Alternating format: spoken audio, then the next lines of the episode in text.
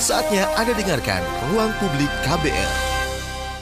Selamat pagi, kita berjumpa kembali dalam ruang publik KBR bersama saya Don Brady dengan tema pagi ini adalah cukai rokok naik, lalu apa? Saudara tahun depan pemerintah akan menaikkan cukai rokok sebesar 23 persen dan harga jual eceran rokok 35 persen. Kenaikan ini akan tertuang dalam peraturan Menteri Keuangan atau PMK yang akan diberlakukan mulai 1 Januari 2020.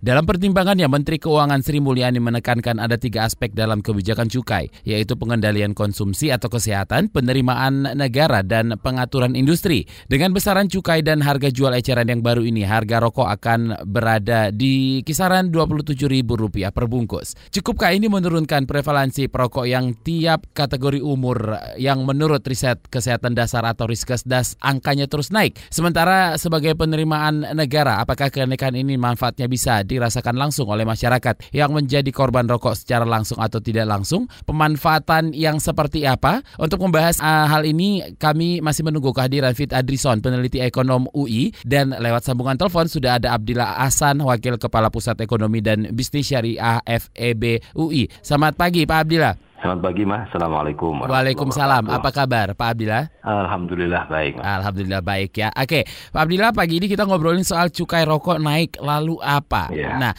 ketika pemerintah berencana menaikkan cukai rokok 23 persen, apa artinya ini bagi konsumsi rokok di Indonesia? Pertama kita bahagia ya, kita bahagia karena pemerintah menaikkan cukai cukup signifikan 23 persen. Tapi harus diingat bahwa tahun 2019 cukai rokok itu tidak naik ya. Jadi ketika cukai rokok tidak naik, artinya juga harga rokok tidak naik ya. Harga rokok tidak naik. Sementara harga barang lain naik, kemudian pendapatan masyarakat naik ya. Jadi tahun 2019 ini kami perkirakan konsumsi rokok akan meningkat, Hmm. ya, akan meningkat. Oke. Nah, sehingga untuk menetralisir ini ya untuk mengerem peningkatan konsumsi ini pemerintah sudah tepat bahwa cukai rokok akan dinaikkan 23 persen di tahun depan dan harga rokok akan dinaikkan 35 persen. Mhm. Ya, tapi ini baru eh, keputusan politis ya, keputusan atau komitmen politik yang memang harus kita hargai ya bahwa Pak Presiden sudah memutuskan seperti ini untuk kesehatan masyarakat. Dan aspek kesehatan masyarakat disebut pertama kali ya. Oke. artinya kesehatan masyarakat lebih penting daripada penerimaan negara dan lebih penting daripada kepentingan industri rokok. Itu kita harus apresiasi di situ. Namun ya namun nanti dampak realnya dampak efektifnya itu tergantung ya tergantung dari rincian kebijakan yang akan dikeluarkan.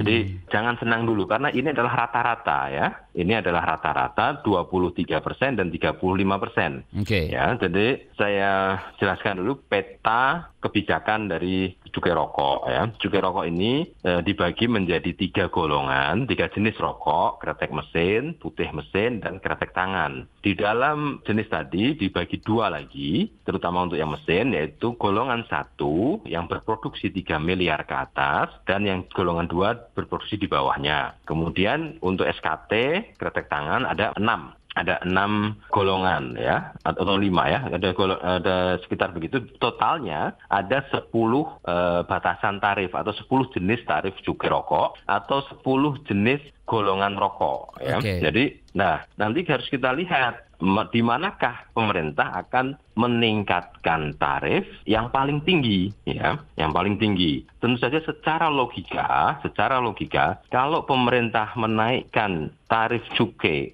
ingat yang tadi 23 persen itu rata-rata. Ya. ya ya, itu rata-rata ber- berarti bisa berkisar dari ya sekitar 18 persen sampai 35 persen lah ada yang bisikin saya seperti itu ya 18 persen sampai 35 persen nah nanti kan tergantung yang kenaikan 35 persenan ini yang di atas rata-rata 23 itu akan dinikmati oleh siapa ya akan diberlakukan untuk siapa ya Hmm. kalau ini diberlakukan untuk jenis rokok yang pangsa pasarnya sedikit, ya katakanlah ada yang satu persen, ada yang setengah persen. Rokok yang nggak Nah, laku gitu ya Pak? merokok yang nggak laku Oke. ya. Kalau kenaikan tertinggi dikenakan kepada rokok yang tidak laku Iya. ya, maka dampak ke kesehatan masyarakat dan dampak ke penurunan konsumsi itu sangat minimal ya. Hmm, oke. Bahkan nggak ngefek ya, nggak Iya. ngefek. Karena nggak laku ya tadi ah, rokoknya ya. Karena rokoknya laku. Oke. Ya. Nah, yang kita harapkan, yang kita nanti-nantikan, yang kita kawal adalah agar kenaikan tertinggi ini dikenakan kepada rokok yang laku ya. Oke. Rokok yang laku Mhm. ya. Nah, dari tiga jenis rokok tadi, kretek mesin, putih mesin, dan kretek tangan, Iya. Yang paling laku adalah kretek mesin. Kretek ya. mesin. Mhm. Kretek mesin itu 73 persen pangsa pasarnya, ya, 73 persen, dan ini semakin meningkat, ya. Yang putih mesin itu kisarannya 5 persenan terus, ya, 5 persen terus. Jadi rokok putih itu nggak disukai oleh para perokok di Indonesia. Mhm. Sementara yang kretek tangan itu mulai menurun ya. Hmm. Dulu 30 persen, sekarang 20 persenan ya. Tapi jangan buru-buru menyalahkan kebijakan cukai akibat penurunan SKT. Karena selama ini kretek tangan tarif cukainya paling murah ya. Harga rokoknya paling murah, tarif cukainya paling murah. Nah, Mhm. Nah, di sini ada anomali, ada keanehan ya. Ada kena- keanehan di mana justru rokok yang mahal itu paling laku di Indonesia ya. Nah, di golongan atau di jenis rokok kretek mesin tadi, yang paling laku adalah kretek mesin golongan satu yang produksinya di atas 3 miliar ke atas Hmm. per tahun ya batang per tahun nah itu harganya paling mahal sekitar 1120-an per batang ya Nah, sekarang ini kalau sebungkus ya kira-kira 23.000 24.000 itu paling laku dia ya Hmm. itu dia menguasai 63 persen ya. Jadi kalau total SKM itu 73 persen ya, maka SKM golongan satu itu 63 persen ya. Hmm. Nah kita mengharapkan agar pemerintah menaikkan tarif cukai tertinggi kepada sigaret kretek mesin golongan satu ya dan golongan satu ini satu pangsa pasarnya terus meningkat. Nah, di tahun 2010-an itu baru 40 persen ya. Sekarang sudah menjadi 63 persen ya. Industri rokok senang memproduksi rokok mesin karena rokok mesin jauh lebih efisien jauh lebih menguntungkan daripada rokok tangan ya. Nah, rokok tangan mengelola ribuan pekerja jauh lebih ribet ya daripada mengelola satu mesin. Oke. Ya. Nah, itu ya, jadi kita mengharapkan pemerintah agar fokus di SKM 1. Kita menunggu PMK, Peraturan Menteri Keuangannya itu. Kemudian eh, kami ingin melihat agar SKM golongan 1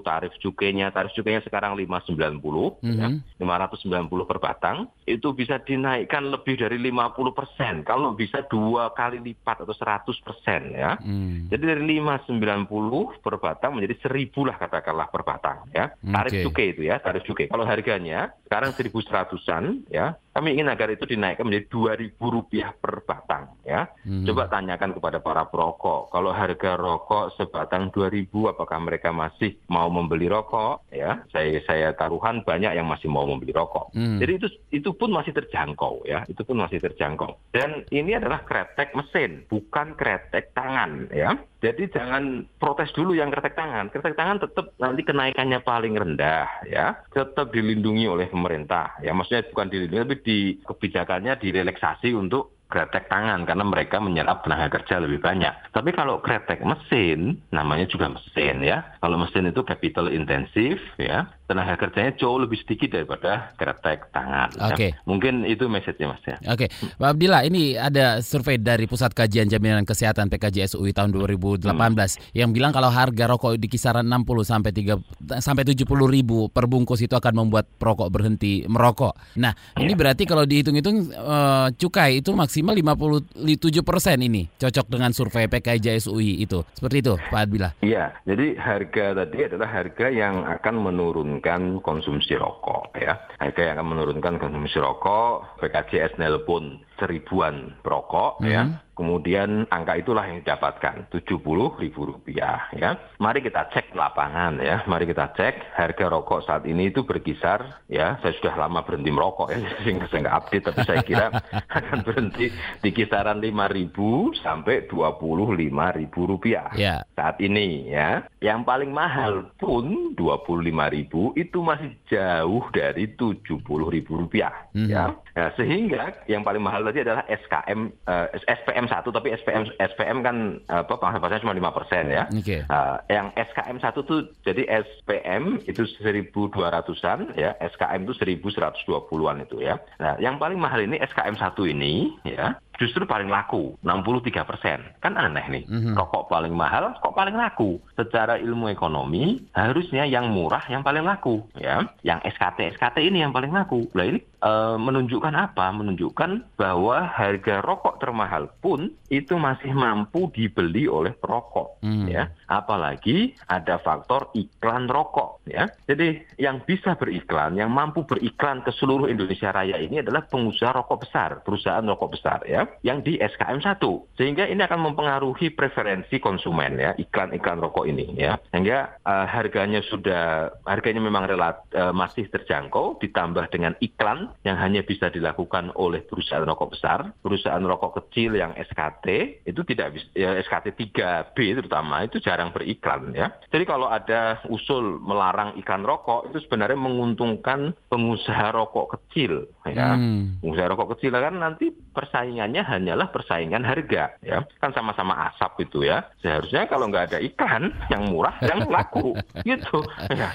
Okay. Jadi jangan buru jangan buru-buru marah kalau kita usul iklan rokok dilarang ya. hmm. ya karena yang bisa iklan tuh pengusaha rokok besar okay. gitu loh Pak Abdillah ya, okay. jadi bisa dibilang cita-cita penurunan prevalensi perokok ini nggak akan tercapai bila harga rokok masih di sekitar ya naiknya sekitar 35 persen atau 27 ribu per bungkus berarti kita nggak boleh senang dulu nih Pak Abdillah boleh boleh mengapresiasi. Mengapresiasi tapi, ya. Tapi kritis harus tetap ya okay. kritis dan nanti biasanya saya baru dapat itu peneliti ya kita harus teliti ya. Hmm. Peneliti itu harus teliti ke dalam detil-detil, ke dalam rinciannya ya. Jadi setannya itu ada di rinciannya itu ya. The, the, the devil in the detail gitu ya. Hmm. Nah, kita tunggu rinciannya. Tapi yang pasti itu kan sudah komitmen politik 2335 ya. Okay. Jadi apa pun rinciannya, komposisi rinciannya nanti hasil akhirnya rata-ratanya tetap 23 dan 35 ya. Jadi ya kita senang lah karena Pak Jokowi langsung yang mimpin rapat, artinya kan itu saya hakul yakin ya itu tidak akan ditarik kembali ya. Walaupun tekanan dari industri juga luar biasa di hari-hari ini. Oke, okay, baik. Um, setelah ini kita akan lanjutkan perbincangan kita soal cukai rokok naik. Lalu apa, Pak Abdillah? Kita harus break dulu. Baik. Jangan ke mana-mana. Ruang publik akan kembali.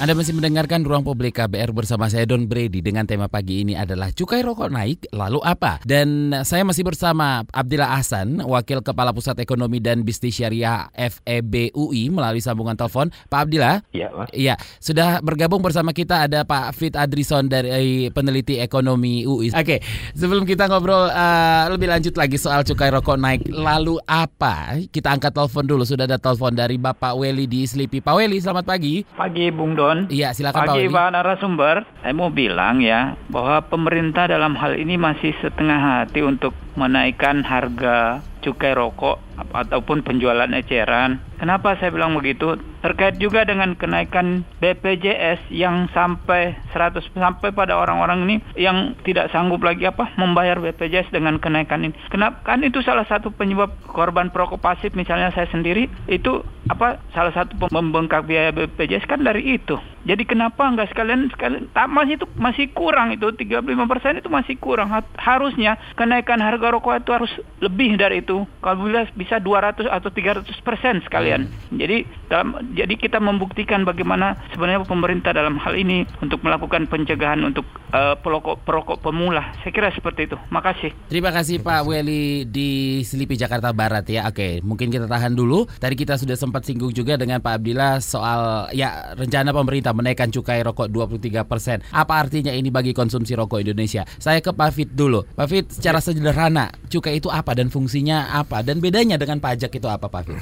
Ya, makasih Mas Don hmm. ya. Yang jelas bedanya antara cukai dengan uh, pajak itu adalah kalau cukai tujuan utamanya itu adalah pengendalian konsumsi. Jadi sesuatu yang uh, produk yang harus dikendalikan konsumsinya seperti yang karena ada unsur berbahayanya ya seperti rokok, minuman beralkohol itu uh, dikenakan cukai. Mm -hmm. Kalau bahasa Inggrisnya itu sin tax sebetulnya ya. Nah, itu tujuannya adalah untuk membuat orang harga tersebut itu lebih mahal sehingga keinginan untuk mengkonsumsi lebih kecil. Mm. Nah, jadi itu dikenakan kepada orang yang mengkonsumsi ya barang tersebut. Jadi kalau membayar lebih seperti itu ya? membayar lebih ada okay. tambahan selain hmm. dari pajak yang lain. Nah, jadi tujuan utamanya itu adalah pengendalian konsumsi sebetulnya. Hmm. Tapi implikasi dari penerapan cukai tersebut itu bisa menghasilkan revenue. Nah, kebetulan di banyak negara berkembang karena pajaknya memang nggak cukup bagus jadi nggak uh, besar kontribusinya sebagian negara berkembang itu menggunakan cukai sebagai sumber penerimaan so instead of tools utama itu adalah pengendalian jadi hmm. uh, kalau di Indonesia sendiri kan sekitar 150-160an triliun itu dari cukainya saja hmm. belum dari pajaknya hmm. nah jadi tujuan utama itu adalah pengendalian konsumsi ya, bahwa efek sampingnya ada revenue iya ya hmm. Nah, tapi kalau untuk di negara maju biasanya untuk revenue itu nggak bukan yang utama. Nah, kalau pajak, pajak itu kita membayar sesuatu tapi bukan kita pemanfaatannya itu hasil dari uang yang kita bayarkan itu nggak kita uh, langsung kita nikmati. Contohnya, saya bayar pajak penghasilan. Oke. Okay. Oke, okay, karena bekerja uh, maka itu nanti akan dikumpulkan oleh pemerintah. Pemerintah akan memberikan dalam bentuk layanan publik barang apa kayak infrastruktur rumah sakit dan seterusnya. Jadi nggak nggak ada ikatan antara apa yang saya bayar ya dengan apa yang saya terima. Tapi kalau ada jenis penerimaan yang lain kayak apa user charge ya kita mendapatkan manfaatnya dulu ya ya kita mendapat membayar dan kita mendapatkan manfaat langsung dari apa yang kita bayar tersebut. Hmm. Jadi singkat kata cukai itu tujuannya sebetulnya adalah untuk pengendalian konsumsi itu yang paling utama. Pengendalian konsumsi hmm. kita sendiri gitu ya orang-orang yang mengkonsumsi barang yang dikenakan cukai itu ya Pak. Iya.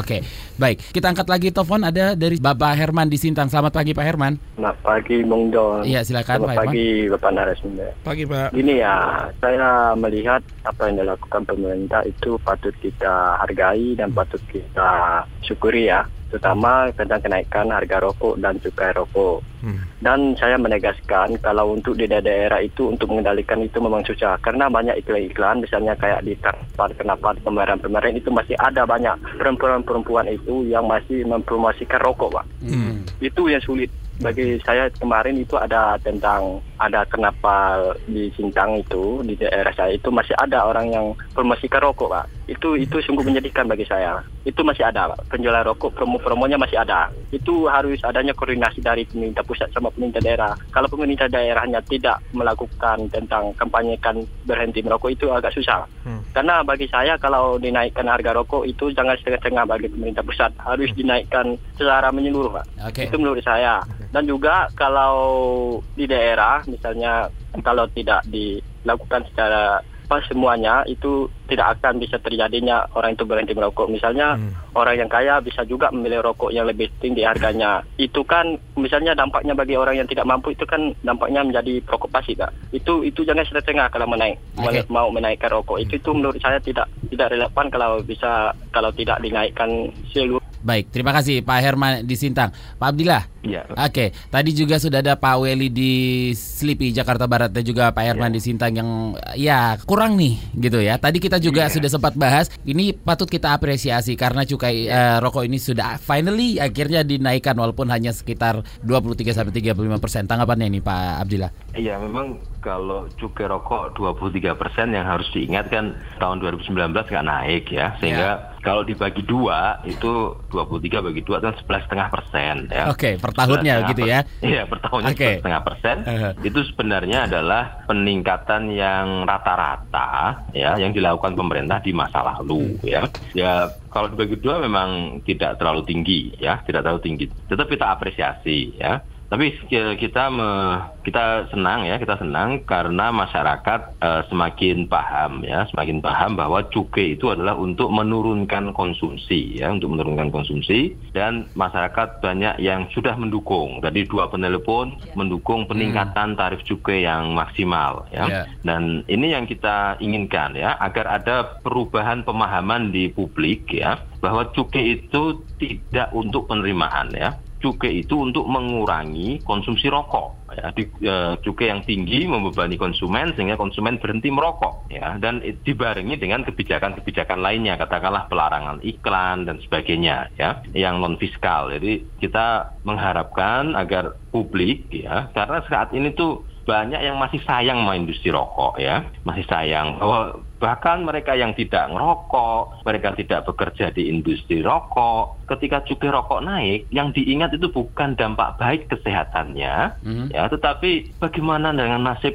petani tembakau kondisi industri rokok dan sebagainya ya padahal yang mempengaruhi kondisi petani tembakau itu banyak faktornya ya jadi kalau bagi teman-teman bagi para pejabat yang ingin melindungi petani tembakau kami minta agar mereka melarang impor daun tembakau ya yang pertama yang kedua kalau nggak bisa melarang menaikkan yang tinggi tarif bea masuk impor daun tembakau ya yang ketiga harganya juga harus dibenahi mekanisme harga daun tembakau antara petani Hmm. dengan eh, pabrikan itu harus Oke. benahin itu dulu deh kalau memang eh, anda berniat membantu petani tembakau Hmm. cukai itu masih panjang ya jalannya itu masih Oke. panjang untuk berdampak kepada petani tembakau Oke, gitu. kita angkat Ya, telepon dulu nih Pak Abdillah. Sekali lagi ada Pak Bapak Anas di Kalimantan Barat. Pak Anas, selamat pagi. Halo, selamat pagi, Pak. Iya, silakan. Ini, Pak, saya mau menanyakan kan katanya kan harga cukai itu kan naik, Hmm. ya kan? Nah, terus BPJS kemarin naik 100%. Nah, kira-kira itu cocok apa enggak tuh, Pak? Hmm. Untuk kesehatan eh, bayarnya itu naik, sedangkan untuk racun aja turun gitu. Ya kan? kan kan agak-agak unik ya, gitu loh. Oke. Seharusnya kan eh, untuk kesehatan itu kan turun, ya kan? Hmm. Terus kalau harga racun itu naik, Naik, gitu. ya. Ya, Pak. gitu aja, Pak. Makasih. Terima kasih Pak Anas di Kalimantan Barat. Saya jadi ingat lagu racun di tangan kananmu ya. Waduh, Pak Fit, Pak Fit dulu deh mungkin gimana? Em, ya agak agak lucu juga. Iya. Terima kasih sebetulnya gini bahwa memang banyak orang concern terkait dengan harga eh, rokok yang murah. Jadi makanya ada urgensi untuk meningkatkan cukai yang akan berdampak kepada harga jual rokok. Eh, Nah, eh, tapi sebetulnya peningkatan cukai rokok saja sebetulnya tidak efektif, tidak begitu efektif untuk meningkatkan kenaikan harga. Kenapa? Ada ada banyak hal. Kalau dari studi saya yang sudah publish di Tobacco Control itu salah satu faktornya itu adalah eh, sistem kompleks yang cukai, sistem cukai yang kompleks ya. Yang kedua adalah kita nggak ada harga minimum ya sama kebijakan cukai yang maksimum 57%. Nah, tapi kalau Hmm. seandainya saya bahas itu panjang nanti pada pusing orang semuanya. jadi tapi betul. Nah, jadi Oke, kalau oke. soal BPJS, BPJS itu memang eh, itu karena overutilisasi. Tapi semangatnya bener paknya. Yang namanya akses kesehatan itu itu nggak nggak boleh mahal. Tapi kalau Iya. untuk yang racun mahal. Iya ya. iya, racun mahal gitu ya Nah. kalau yang itu. Nah, Oke sebelum kita break dulu kita angkat dulu ada apa Pak Aldi di Majalengka. Pak Aldi, singkat saja Pak Aldi. Selamat siang. Iya silakan. Eh, begini ya, Iya. kalau mengenai kenaikan rokok ya, Aha. sebenarnya begini ya, untuk sebenarnya untuk penaikan rokok itu, jadi kita itu harus sebelum melakukan hal itu harusnya melakukan penindakan pada pengedar-pengedar rokok ilegal. Karena Hmm. yang saya lihat sendiri sangat banyak di daerah saya ini rokok-rokok yang bisa dikatakan eh, harganya di bawah dari di bawah jauh dari yang Harga yang normal sudah seperti- ditetapkan seperti itu ya. Iya, karena Ah. sangat jumping sekali dengan dengan rokok-rokok yang sudah bertetek lah atau Iya. sifatnya pabrikan itu sangat jauh sekali harganya dan itu biasanya yang dibeli dibeli dari rokok-rokok yang seperti itu biasanya para para pemula perokok. Hmm. Karena biasanya kalau para pemula itu enggak kalau misalkan pecandu kan kalau pecandu itu kan jadi kita kalau beli rokok itu biasanya selera yang sudah biasa dibeli. Mhm. Tapi kalau para pemula itu kan Masih pengen nyoba-nyoba yang gitu penting Pak Aldi ya. yang penting nyoba iya, yang, yang penting penting- nyoba yang gitu penting dengan merokok. harga murah. Pemula juga Iya. belum mempunyai uh, pendapatan yang pasti begitu ya Iya. Pak Aldi ya. iya, Baik. apalagi saya lihat banyak sekali anak-anak eh, sekolah-sekolah yang Baik. masih menengah pertama itu mencoba-coba rokok, bahkan Baik. sudah menjadi perokok-perokok aktif. Baik. Terima kasih. Terima kasih Pak Aldi di Majalengka. Pak Fit, Pak Abdillah, kita harus break dulu. Nanti kita akan tanggapin beberapa uh, telepon yang sudah masuk. Jangan ke mana-mana, tetap di ruang publik KBR.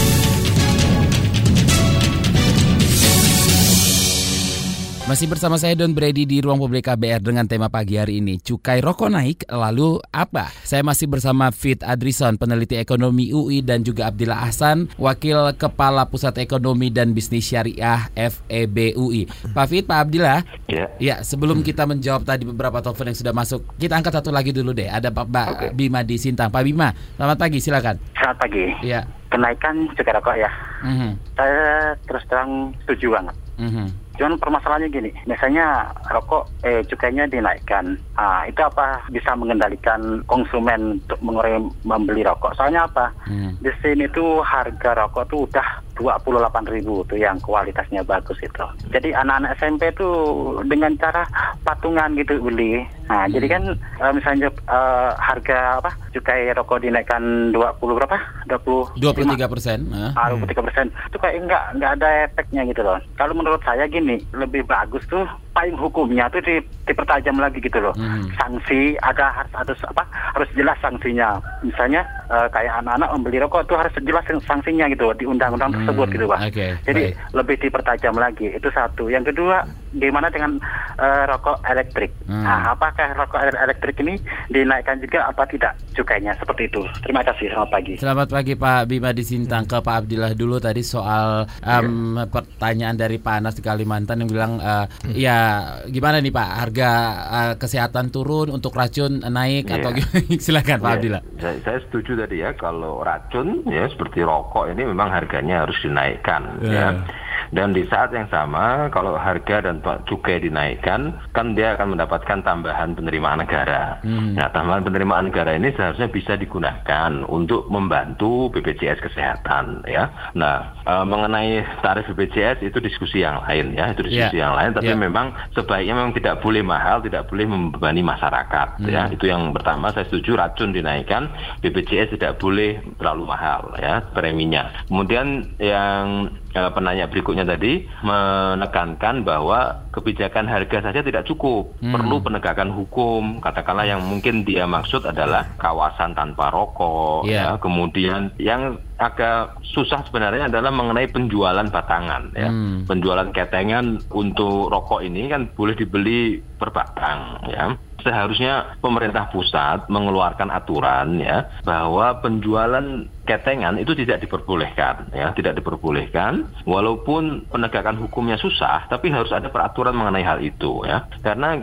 ya kadangkala tidak ada ya bukan tidak ada gunanya maksudnya tidak efektif menaikkan katakanlah satu bungkus rokok dari 20.000 menjadi 30.000 ya. Hmm. Tapi ketika dibeli batangan harganya tetap 1.000, 1.500 dan itu anak-anak juga bisa beli Ya. anak-anak yang uang sakunya 10.000 itu bisa beli eh, harga rokok yang semurah itu dengan batangan ya Hmm. dengan batangan Oke. Eh, oke itu aja. Kemudian dari yang Aldi Bapak Aldi di Majalengka yang bilang tadi untuk kenaikan rokok Hmm. ini harus melakukan penindakan pada rokok ilegal juga karena di daerah Hmm. Pak Aldi ini banyak rokok yang harganya rendah dibandingkan rokok pabrikan. Ini kebanyakan dibeli Iya. oleh para mereka yang baru saja memulai untuk mencoba-coba merokok nih. Ya, Pak ya Abdillah. itu eh, penegakan hukumnya harus Hmm. lebih ketat, harus lebih kuat ya. Eh, kita mendukung aparat di bea cukai untuk mengurangi ya, untuk menangkap produsen rokok ilegal ini ya, penjual rokok ilegal ini ya.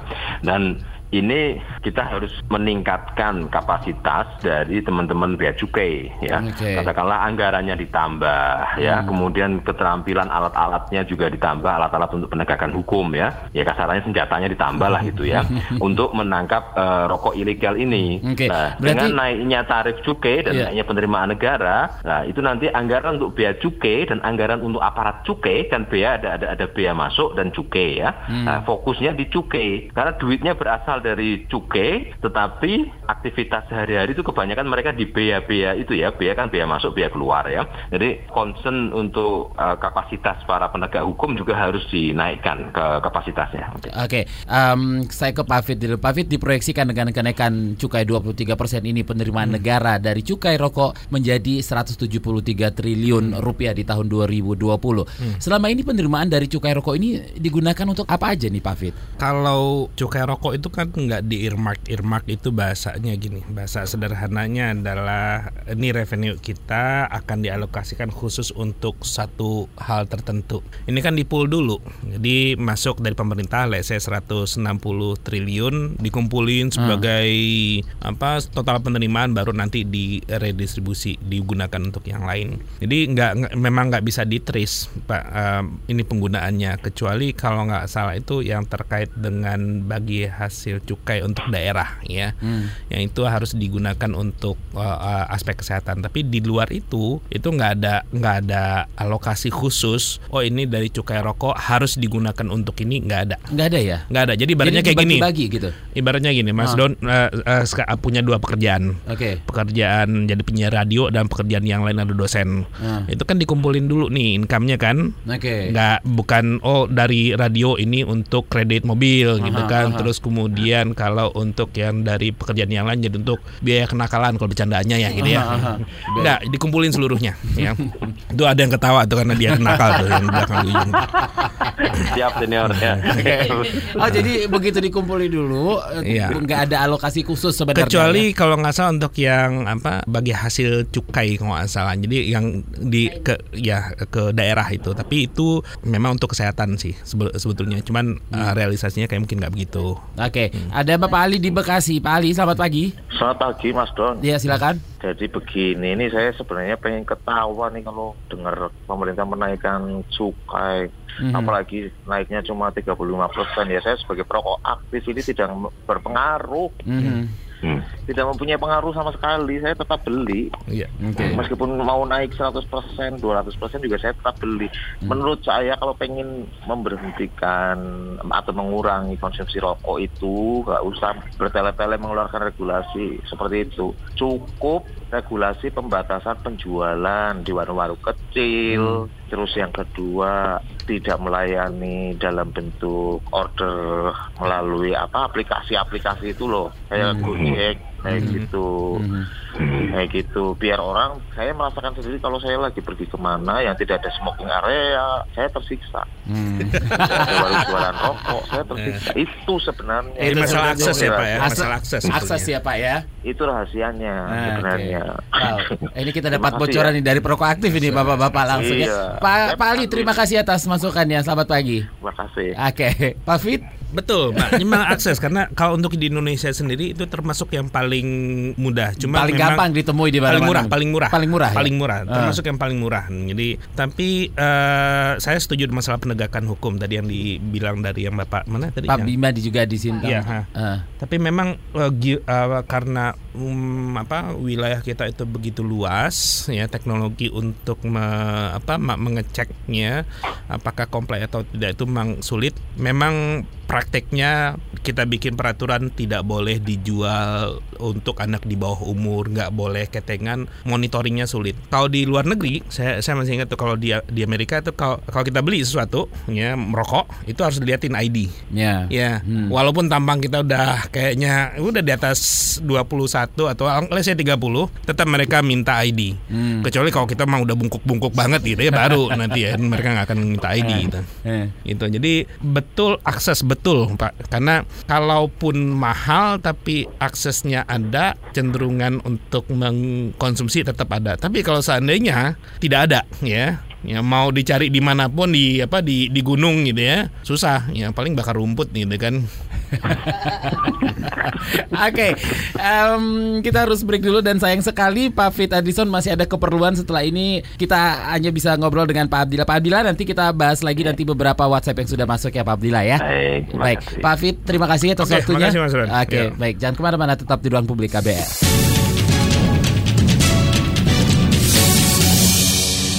Kita sudah di segmen terakhir Ruang Publik KBR dengan tema pagi hari ini cukai rokok naik lalu apa? Dan kami informasikan untuk Anda Lomba Blog kembali hadir untuk informasi selengkapnya bisa dilihat di kbr.id. Dan bagi Anda yang tidak sempat mendengarkan siaran ini dari awal ya, dari awal sampai sekarang di segmen keempat, Anda juga bisa menikmatinya di podcast kami di kbrprime.id. Oke, saya masih bersama Abdillah Hasan, Wakil Kepala Pusat Ekonomi dan Bisnis Syariah FEB UI. Pak Abdillah, Ya. Iya, Oke, tadi em, saya pengen menanggapi pertanyaan dari Pak Ali di Bekasi terakhir tadi. Iya. Sebagai saya sebagai perokok aktif, mau naik 100% juga saya akan tetap beli. Ya, Iya. kenaikan cukai berapapun saya, regulasi pembatasan di warung-warung kecil dan tidak boleh dipesan lewat aplikasi itu yang paling penting. Gimana ini, Pak? Iya, jadi ini bukan pilihan ya, bukan pilihan kebijakan. Ini adalah semuanya harus dilakukan ya. Semuanya harus dilakukan. Memang kenaikan cukai saja itu tidak akan atau kenaikan harga rokok saja tidak akan efektif menurunkan konsumsi ya. Kalau ya kebijakan-kebijakan lainnya tidak dilakukan. Kebijakan lainnya itu banyak ya.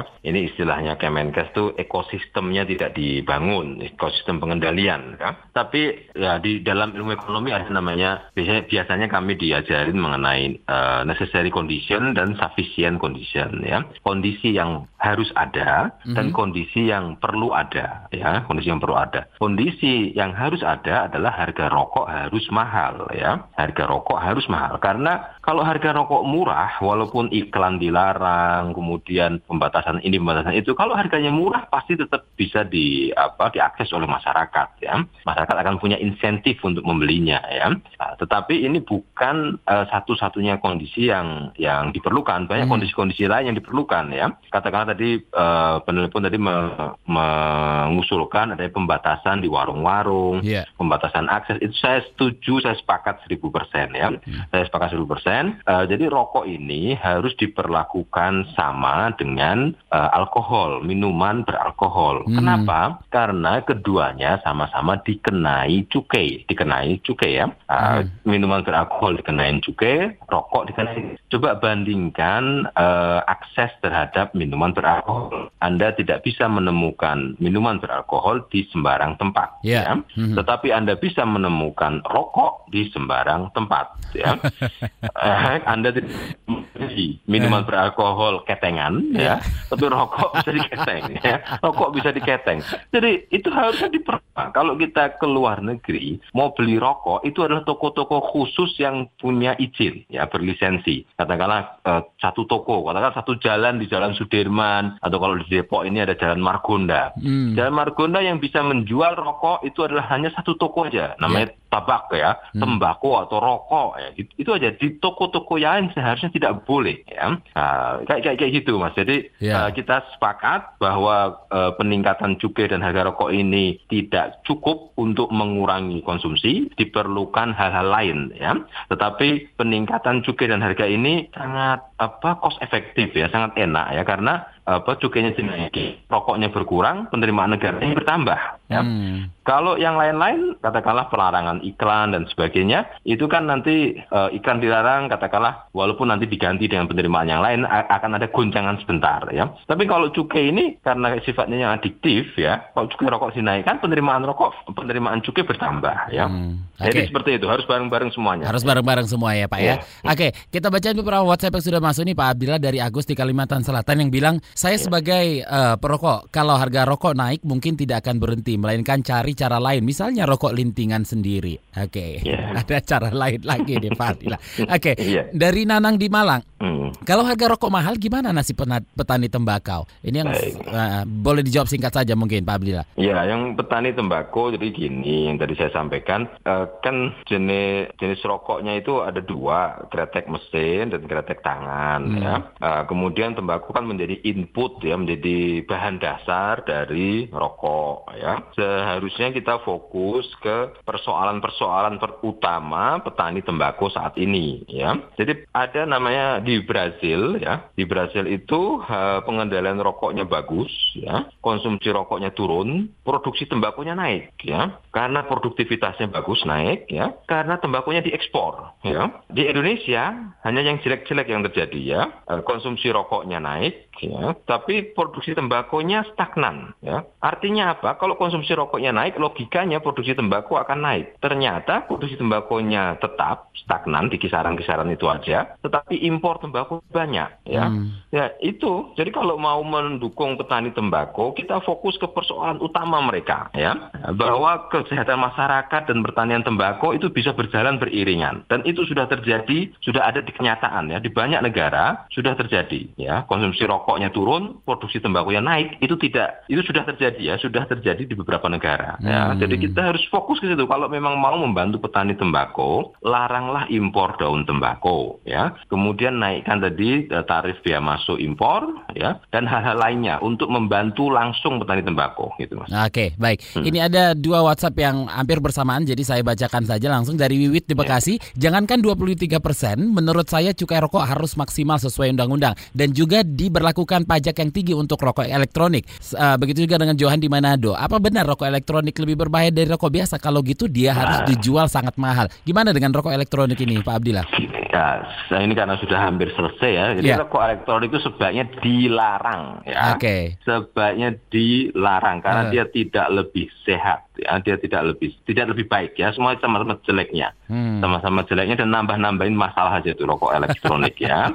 Dan bahkan Donald Trump saja sudah keras kepada rokok elektronik ya. Uh. India hari ini uh, terakhir sudah melarang rokok elektronik ya. Jadi kita harus bersama dengan negara-negara uh, lain untuk melarang rokok elektronik secara keseluruhan ya sebelum membesar ya sebelum membesar. Fakta-fakta bahwa rokok elektronik ada yang meledak lah, ada yang penyakitnya juga jauh lebih baik dan lebih cepat ya, ya lebih cepat. Ini kan masalah akumulasi nih. Kalau merokok biasa itu kan biasanya butuh waktu 15-20 tahun untuk jadi penyakit ya. Untuk rokok elektronik 2 tahun ini sudah banyak yang berguguran ya. Okay. Jadi ya Anda bisa set ya, ini di luar negeri memang ya, data-data di luar negeri. Tapi kalau Anda mau menyusul mereka juga silakan. Jadi rokoklah elektronik 2 tahun 3 tahun lagi ambruk ya itu tanggung jawab Anda sendiri. Tapi intinya adalah kita jangan nambah-nambah masalah kesehatan. Okay. Ya. Udah dilarang saja karena mengendalikan itu susah ya. Hmm. maksudnya mengendalikan itu rinciannya banyak ya. Jadi kalau bisa dilarang sebelum membesar harus dilarang. Itu uh, message-nya seperti itu mas. Oke, okay. terakhir Pak Abdillah mungkin um, ini mungkin akan kita ulang-ulang lagi ya. Apa apalagi hmm. langkah hmm. yang bisa diambil untuk mendorong harga rokok ini naik signifikan selain um, menaikkan cukai rokok? Ya kalau tadi katakanlah impor tembakau dilarang itu bisa menaikkan harga rokok karena kan nanti biaya daun tembakau akan naik ya. Hmm. Jadi itu satu supaya harganya naik ya. Kalau yeah. harga naik kan berarti kosnya dinaikin, uh, biaya-biaya dinaikin ya. Jadi industri rokok harus membayar upah pegawainya dengan ba dengan baik ya, dua kali lipat naikin upahnya itu ya. Jangan dimakan aja keuntungannya. Kemudian petaninya harganya juga harus baik, harga daun tembakonya ya. Ya itu semua kosnya naik, maka nanti harga rokoknya akan naik. Nah, maka kebijakan pembatasan impor itu juga akan menaikkan biaya biaya dari industri rokok akhirnya akan menaikkan harga rokok. Okay. Tapi sebelum ke situ kita fokus ke cukai, kita ingin mengawal, ya memastikan dan me mendesak pemerintah agar menaikkan tarif cukai yang sangat tinggi kepada sigaret kretek mesin golongan satu. Hmm. Datanya ada di pemerintah. Pemerintah yang tahu siapakah itu SKM golongan satu ya. Tolong hmm. itu dinaikkan Pak ya, karena itu selalu selalu membesar ya. Okay. Itu expanding, Baik. market share-nya expanding. Gitu. Baik, Abdil, okay, Abdil Hasan, Wakil Kepala Pusat Ekonomi dan Bisnis Syariah FEBUI. Terima kasih Pak Abdil atas Baik, waktunya pagi terima ini. Terima kasih Mas Don. Ya, dan ya. sebelumnya ada Fit Adrison peneliti ekonom UI ya. Dan untuk yang sudah menelpon tadi di 081403131 selamat untuk Pak Weli yang ada di Slipi Jakarta Barat. Anda akan mendapatkan satu bingkisan menarik merchandise dari KBR dan nanti akan dihubungi oleh tim KBR ya. Demikian ruang publik kali ini saya Don Brady pamit. Salam. Baru saja Anda dengarkan Ruang Publik KBR.